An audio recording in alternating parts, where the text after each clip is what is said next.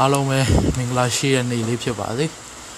ကျွန်တော်ရဲ့ရောက်တဲ့ရရာချင်းငံဆက် podcast ကနေကြိုဆိုပါရစေ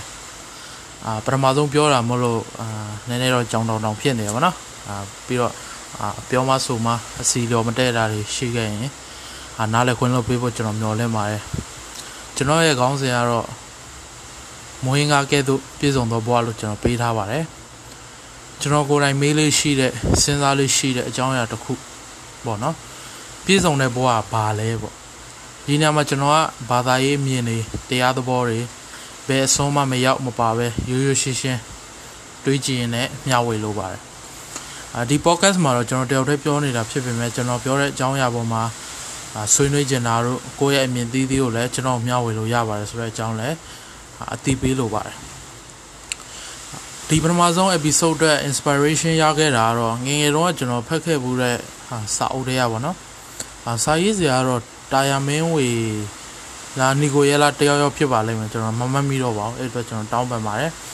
အဲအဲ့ဆောက်ထဲမှာသူဥပမာပေးထားတဲ့အကြောင်းအရာကနေတစ်ဆက်ပေါ့နော်ကျွန်တော် inspiration ရခဲ့တာဖြစ်ပါတယ်မမရရကျွန်တော်ကငယ်စဉ်ကလေးကစာဖတ်ရတာနှစ်သက်တယ်ပြီးတော့အဲ့ခေတ်အခါ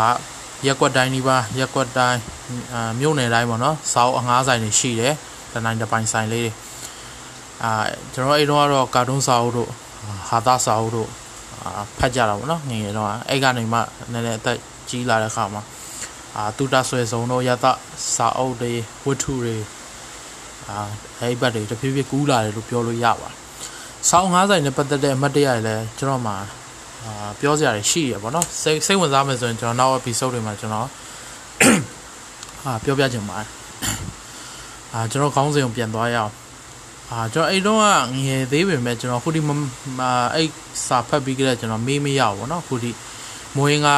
သူသူပေးတဲ့မွေးငါပုံပုံမှာလေးချိန်ခံပြီးတော့ကျွန်တော်ဒီမွေးငါကဲသို့ပြည့်စုံသောဘဝဆိုတာလေးကိုအာမျှဝေလိုပါတယ်ဘာလို့လဲဆိုတော့ကျွန်တော်တို့အားလုံးနားလည်တာကတော့ပြည့်စုံတဲ့ဘဝတစ်ခုဆိုတာကိုတတ်မှတ်ဖို့အတွက်အမြဲတမ်းအောင်မြင်နေတာကြီးပွားတိုးတက်နေတာတို့ နဲ့ကျွန်တော်ကတတ်မှတ်တတ်ပါဒါပေမဲ့များသောအားဖြင့်အဲ့လိုဟာမျိုးကဖန်တီးထားတဲ့ကျွန်တော်တို့ရုပ်ရှင်တွေဇက်ကားဇလန်းတွေမှာပဲတွေ့ရတာများပါတယ်အပြင်တကယ်လက်တွေ့ဘဝမှာကျွန်တော်တို့ကအရန်ချမ်းသာတဲ့တထေးတယောက်စီသွားပြီးတော့တထေးကြီးရေခမည်းဘဝမှာခမည်းဘဝပြည့်စုံတဲ့ဘဝဖြစ်ရလားလို့ကျွန်တော်သွားမေးမယ်ဆိုရင်အာသူ့ဘဝမှာပြည့်စုံမှုဆိုတာမရှိသေးပါဘူးဆိုတော့အဖြေမျိုးပဲကျွန်တော်ရမှာဖြစ်ပါတယ် ကဲဒီလိုဆိုတော့ကျွန်တော်တို့ကလမ်းဘေးမှာနေတဲ့တောင်းစားတဲ့လူတယောက်သွားမေးရင်ရော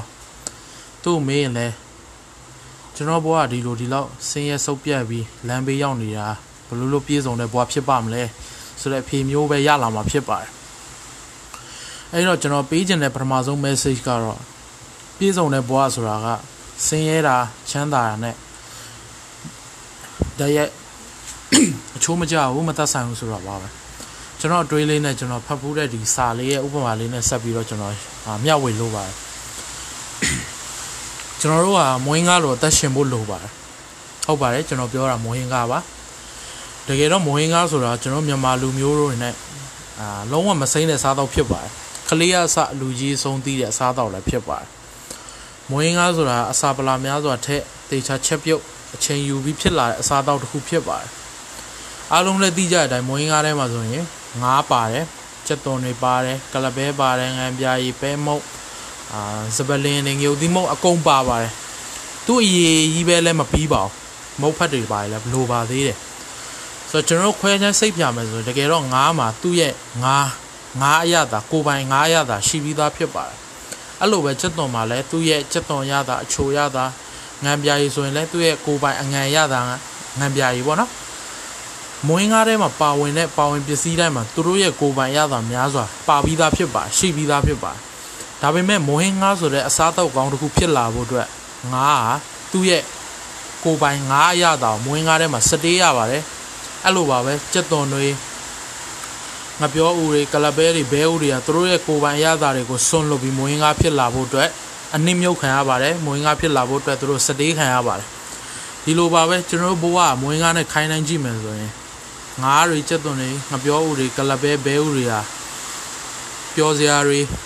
ကြည်နူးစရာတွေဝမ်းနည်းစရာတွေတတန်ရောစင်တွေချစ်ချင်းမြတ်တာတွေပဲဖြစ်ပါတယ်